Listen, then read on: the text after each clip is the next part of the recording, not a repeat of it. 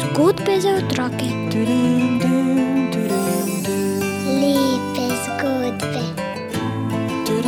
Narodne pravljice. Bere nam jih Juri Sešar.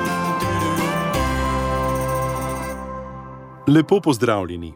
V današnji romski pravljici bomo slišali, kako so nastale gosli. Inštrument. Veste, bila sta nekoč reven mož in revna žena, ki dolgo nista imela otrok. Zgodilo se je pa nekoč, da je žena šla v gost.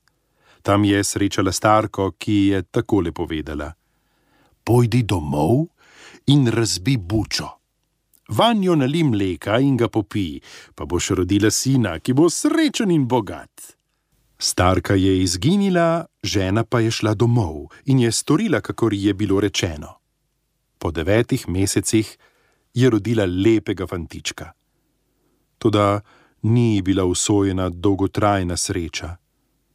Kmalu je zbolela in umrla. Tudi mož je umrl, ko je bilo sinu dvajset let. Pa si je mislil fant, kaj naj doma, po svetu grem in si poiščem srečo. Fant je torej hodil od vasi do vasi, od mesta do mesta, sreče pa nikjer ni našel.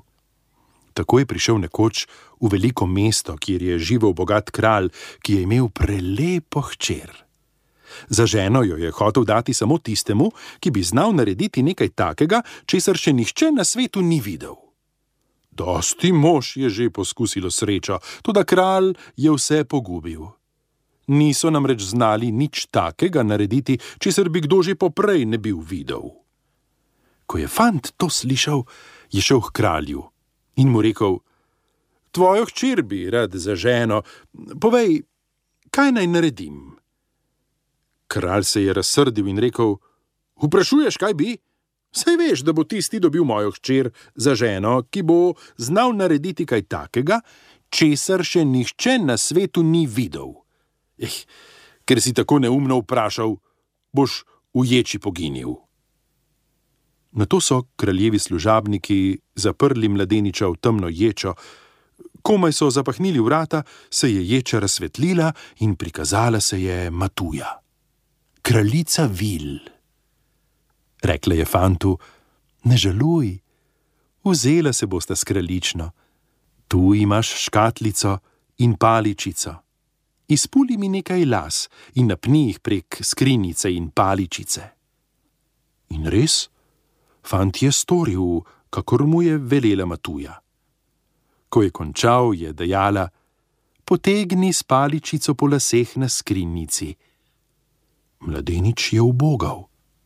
Na to je dejala Matuja: Ta škatlica, skrinjica, naj se spremeni v gosli, naj ljudi razveseli ali razžalosti, kakor boš hotel in je vzela škatlico in se zasmejala vanjo, potem je zajokala in njene solze so padale vanjo. Na to je rekla fantu: Zdaj pa potegni po laseh na škatlici. Fant je ubogal in iz škatlice so privrele pesmi, jo, da je bilo srce ob njih zdaj žalostno, zdaj veselo.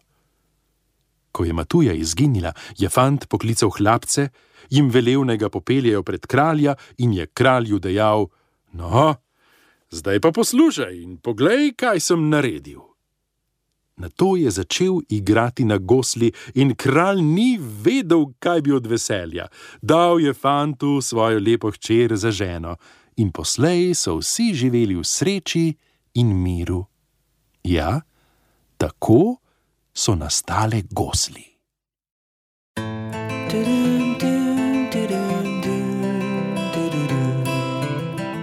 Zgodbe za otroke. Lepe zgodbe.